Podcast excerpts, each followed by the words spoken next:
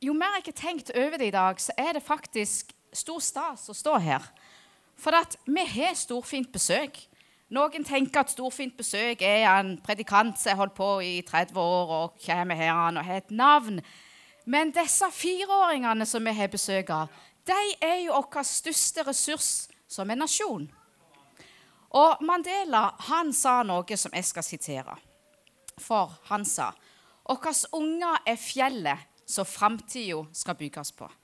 Vår største ressurs som en nasjon. De skal lede vårt land. De skal skape velstand og gi omsorg og beskytte vårt folk. Og så legger jeg til noen ord fra Jesaja som sier må de være lært av Herren, sånn at deres fred kan være stor. Derfor så ber vi som Guds familie takk, Jesus, for at du ber for enhet, og minner oss om å be for enhet i Guds familie. Kom, Hellige Ånd, og gi oss glede over fellesskapet i deg. Glede over generasjonene, gamle og unge, foreldre og barn, og gifte og ugifte. At vi blir ett i deg. Og hjelp oss til å se hverandre med ditt nye blikk, sånn at din familie blir heil. Amen. Og tenk det, du som har fått barnebibel i dag, der er det en allerede i gang. Så herlig. Du har da fått den boka som er blitt lest mest i hele verden. Det er ikke ei bok som er blitt lest mest i, og det er òg den boka som er solgt mest. Det er ganske kult. Og nå er han i hendene til noen fireåringer her inne. Og i den Bibelen, da Vi mener jo òg at det er verdens viktigste bok. Men i Bibelen din der kan du lese om en konge som heter David. Og han var en mann etter Gud sitt hjerte. Og han sier det at Guds ord er mer verdt enn gull i mengder.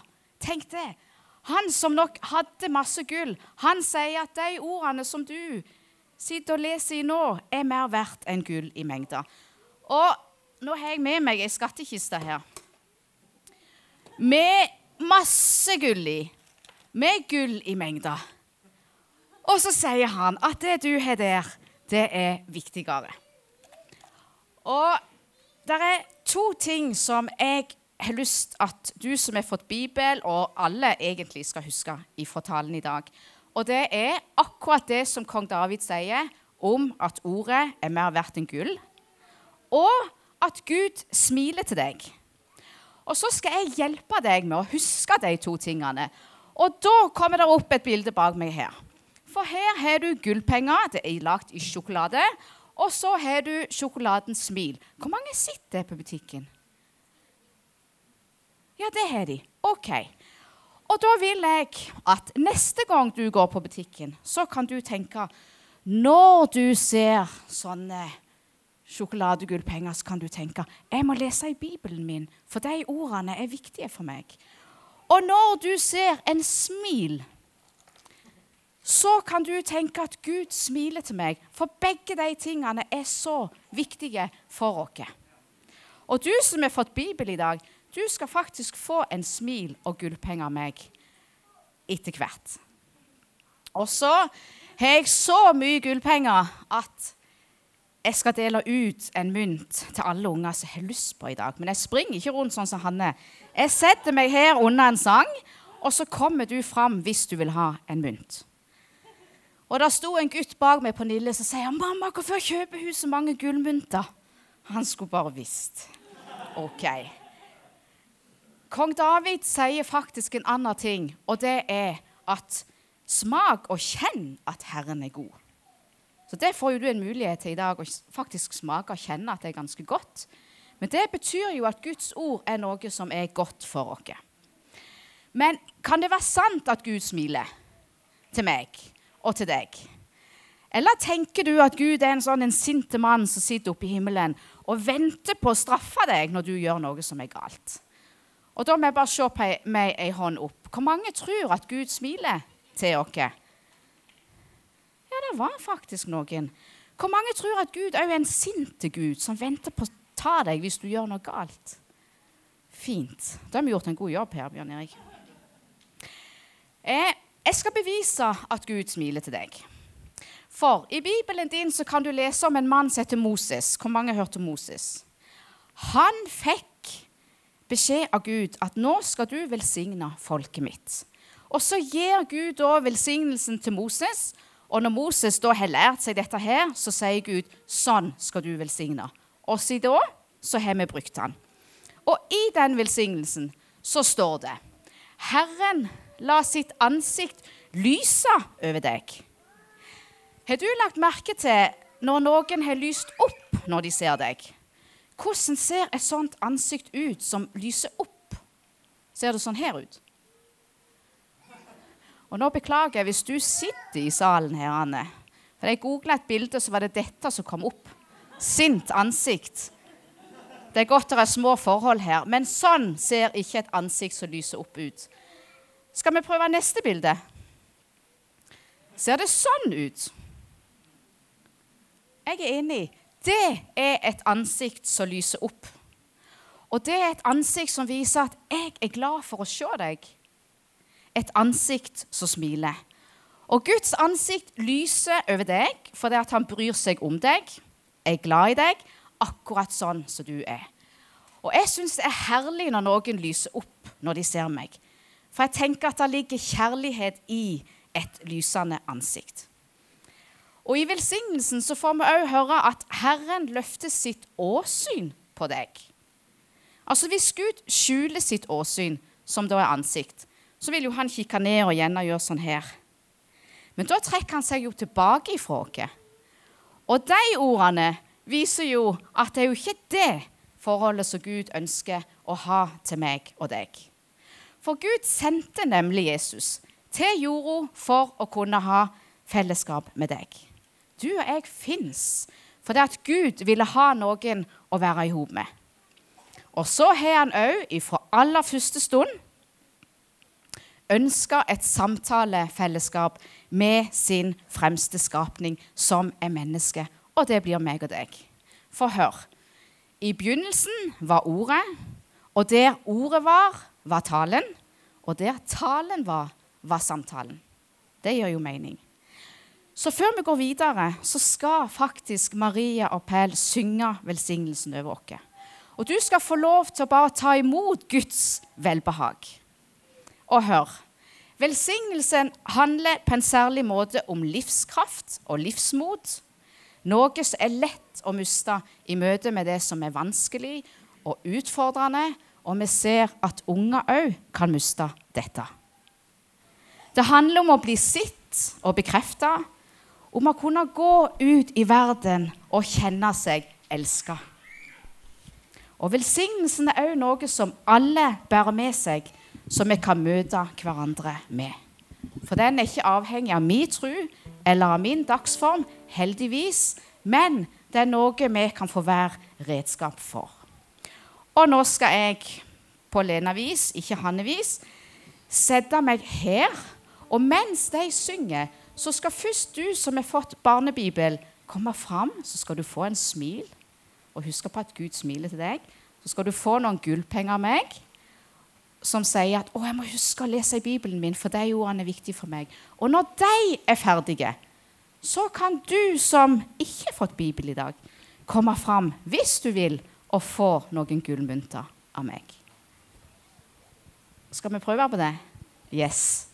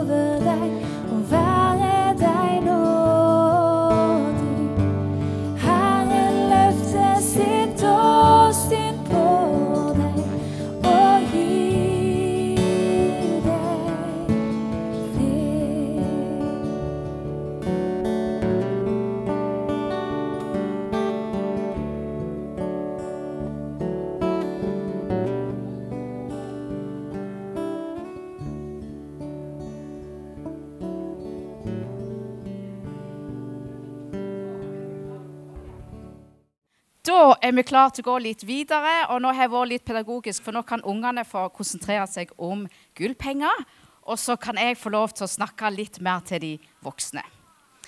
Eh, har du noen gang lurt på hvor mye trus en må ha for å kunne kalle seg en kristen? Jeg er sikker på at en diskuterer det innimellom. Men Jesus han sa det at ei tru med sennepsfrø er nok. Og det er faktisk et av de minste frøene i verden.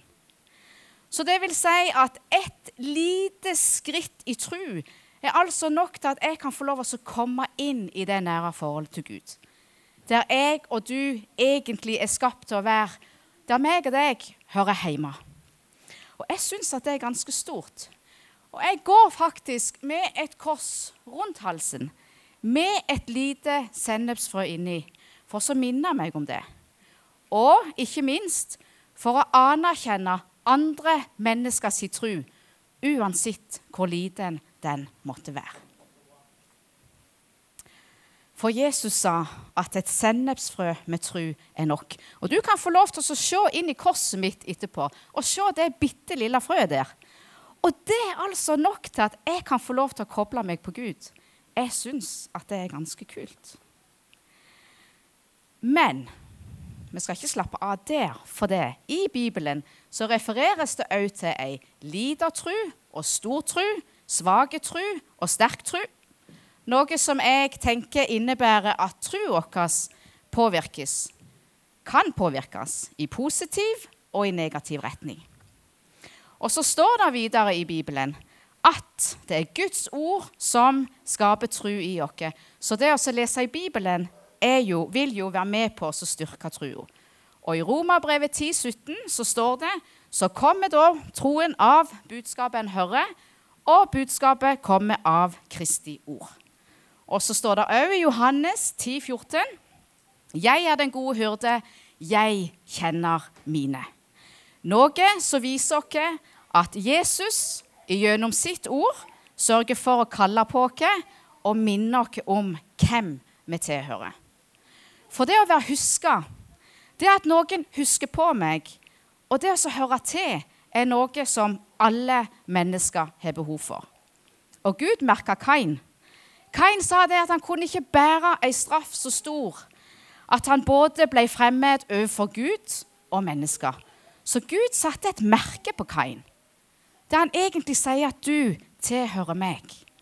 For følelse av tilhørighet er et grunnleggende psykologisk behov. Og så sies det at vårt tids menneske mangler tilhørighet at vi mister disse tilhørighetspunktene i livet. Men vi har likevel ikke mista behovet vårt for å høre til. Og uten relasjoner så går vi mennesker til grunne. Men så er det en åndelig dimensjon som vi ikke må glemme. For uansett hva en tror på, hvor en har sitt religiøse ståsted, så kommer en ikke forbi at ethvert menneske òg er et åndsvesen.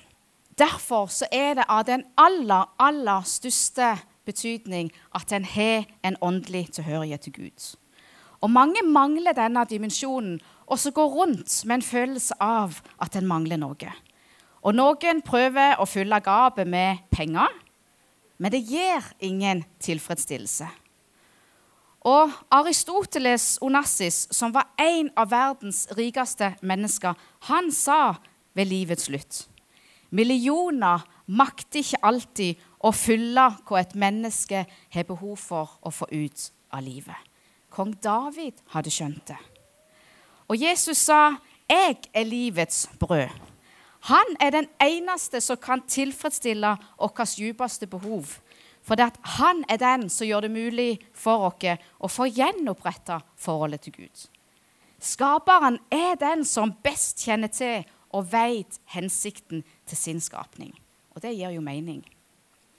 Så dypest sett så er det viktigste som er å si om meg, at jeg hører til en Gud som elsker meg. Og det gjør jeg uavhengig av hvordan jeg har levd livet mitt hvordan jeg ser ut, hvordan evner jeg har, hvordan helsa mi er, hvor gammel jeg er, osv. For løye nok så er det vi mennesker som har lettest for å se ned på oss sjøl og andre. Og det var en mann som var spesielt interessert i steiner. Er det noen unger her som er interessert i steiner? Ja, det var faktisk noen. Nå må vi høre godt etter. Og han kikket seg jo da rundt i en steinbutikk i Arizona i USA. Og så la han merke til en blåfiolette, grov stein som kunne se ut litt som ei lita potet. Men denne mannen har peiling på steiner. Så han spør jo da med rolig stemme kan jeg få denne, kjøpe denne steinen til 15 dollar, som er omtrent 140 kroner. Og butikkmannen han så at ja, den steinen er jo ikke så fin som mange av de andre steinene jeg har, så han senker da prisen til 10 dollar. Men oppkjøperen, han som hadde greie på steiner, han, han hadde greie på edelsteiner. Og han fikk steinen vurdert til en 1900 karat naturlig stjernesafir. Og den ble taksert til over 15 millioner kroner. Hvor vil jeg hen? Det trengtes en steinelsker for å se hva steinen var verdt. Det trengs en menneskeelsker for å vurdere hva et menneske er verdt. Du kan se helt vanlig ut, men Gud som har skapt deg, han vet hva du er verdt. Og verken alder eller erfaring, kompetanse eller moral gir oss grunnleggende verdi. Det å være elska og skapt av Gud gir oss verdi, og den er likt fordelt. Og så lokkes vi til å tro at det å være fristilt til å gjøre som en vil, tenke som en vil, osv., tro som en vil, er til det beste for oss. Men det viser seg at byrden å være seg sjøl blir bare større. Og det er ingen tom påstand jeg kommer med. Den bekreftes bl.a. gjennom litteraturen, som jeg studerer for tida. Jeg er student ved Modum Bad og tar noen studiepoeng innen kristen sjelesorg. Og Jeg har ikke tid til å utdype det noe mer, men det jeg erfarer, gjør meg overbevist om at følgende påstand er sann. På enkelt vis så underviste Jesus det evige livsprinsipper og lærdommer som bringer lykke til deg som er tru. Det virker ikke rimelig å anta at disse læresetningene fra Jesus trenger modernisering. Hans budskap angikk evige prinsipper. Og hvis det høres gammeldags ut, så erklærer jeg meg sjøl for gammeldags. Og Anita Skansen Omdal hun erklærte meg for gammeldags for to uker siden. Da var jeg for gammel til å preke for ei viss gruppe her inne. Nå snakker jeg til alle, Anita. Ok. Men jeg, jeg gjør det, for jeg har tenkt Hvordan skal jeg klare å få gi deg et så godt bilde av Gud, så du forstår at han er det du trenger? Men så tenker du ja, men Lena har ikke skjønt det. Ja, men kanskje møter du på noen som ikke har skjønt det. Se for deg en omsorgsfull lege som helt ifra begynnelsen prøver å beskytte personer med svak helse gjennom forebyggende tiltak. Se for deg det. På samme måte er Gud vår omsorgsfulle sjelelege, som vil sørge for at den delen av oss som er mest utsatt for synd, er omgitt av de strengeste voktere som vi da kan lese om i Bibelen. Og Nå har jeg funnet et bilde som jeg syns er ganske betegnende. Hjertet vårt i midten. Og Det står i ordspråkene 'Bevar ditt hjerte framfor alt som bevares', for livet går ut ifra det. Og så har du disse bibelske sannhetene som tar deg over gapet. Guds ord er ikke meint for å straffe oss, men for å beskytte oss. Verner vi ikke om de vi elsker? Og jeg tenker at kong David hadde rett. Guds ord er mer verdt enn gull i mengder, for det ligger livsforvandling i et sinn som daglig fornyes i tråd med Guds ord. Guds advarsel til Kain er like aktuell for alle. Hvis du ikke har godt i sinnet, så ligger synden på lur ved døra. Den ondes lyst vil fange deg, men du skal herske over den. Å arbeide her inne er like krevende. Og nå har jeg funnet en ekstremt god sammenligning for meg som liker å trene. Jeg har ikke prøvd å finne et så anstendig bilde som mulig. Da kan jeg bare få det opp. Det er like krevende som å opprettholde en sixpack. Det ligger uendelig mange treningstimer på det du ser bak det du ser her.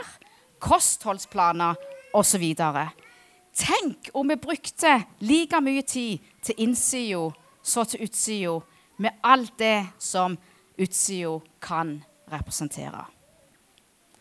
Og så våger jeg å være frimodig igjen og koble meg på en påstand som sier at hvis livet vårt og troa vår dreier seg om Jesus Kristus og hans gjengitte evangelium, så kan ingenting noensinne bli permanent galt. Og så er det to ting som jeg tenker vi ikke klarer alene i livet. Det ene er å bli gift. Det kreves to personer. Og det andre er å være en kristen. Så hvis du skal gå gjennom livet uten å dele troa med noen, så legger du ut på ei nærmest umulig reise. For hvis troa ikke får gode vekstvilkår, så står den i fare for å visne hen. Derfor så trenger vi fellesskap med hverandre. Når Jesus skulle demonstrere Guds rike, så handla det om at han åpna veier inn til fellesskapene. Veier som tidligere var stengt for den eller de som han møtte på denne spesielle måten. Det kunne være de spedalske, den besatte, den blinde osv. Så, videre. så det å lede mennesker inn i fellesskap var en del av Jesu gjerning. Lignelsen om mynten som ble mista, men funnet igjen, den bortkomne sønnen, begge i Lukas 15, viser at den enkelte ikke er skapt til å leve alene. Og så hva slags innpakning har vi rundt Jesus? Og I går så leste jeg at i Japan da, så er innpakning en kunstform. Særlig viktig er det hvordan en pakker inn gavene. Og dypest sett så handler det om respekt for mottaker. Og så kirka så har vi fått i oppdrag å gi videre den gaven vi sjøl har fått. Evangeliet om Jesus. Og innholdet i gaven er det viktigste, men innpakningen skaper forventninger. Evangeliet er gode nyheter, og gode nyheter fortjener god kommunikasjon. Og nå skal jeg lande så brått. En prest har sagt så vakkert, og jeg må bruke ordet vakkert, for det er faktisk nydelig det han har sagt. Å lyse velsignelsen er å sette Guds lysstråler mot menigheten. For den som tror på dette, så betyr det at vårt liv ligger i Guds hånd, sjøl når vi ikke ser det. Ingen er for stor, og ingen er for liten Guds velsignelse er for oss alle. Og Da skal du bare få lov å reise deg opp og så ta imot den. Og så kan Maria og Pæl komme og gjøre seg klar. Herren velsigne deg og bevare deg. Herren la sitt ansikt lyse over deg og være deg nådig. Herren løfter sitt åsyn på deg og gir deg fred. Og fred kommer av ordet shalom, og det betyr å finne seg til rette i sitt rette element. Amen.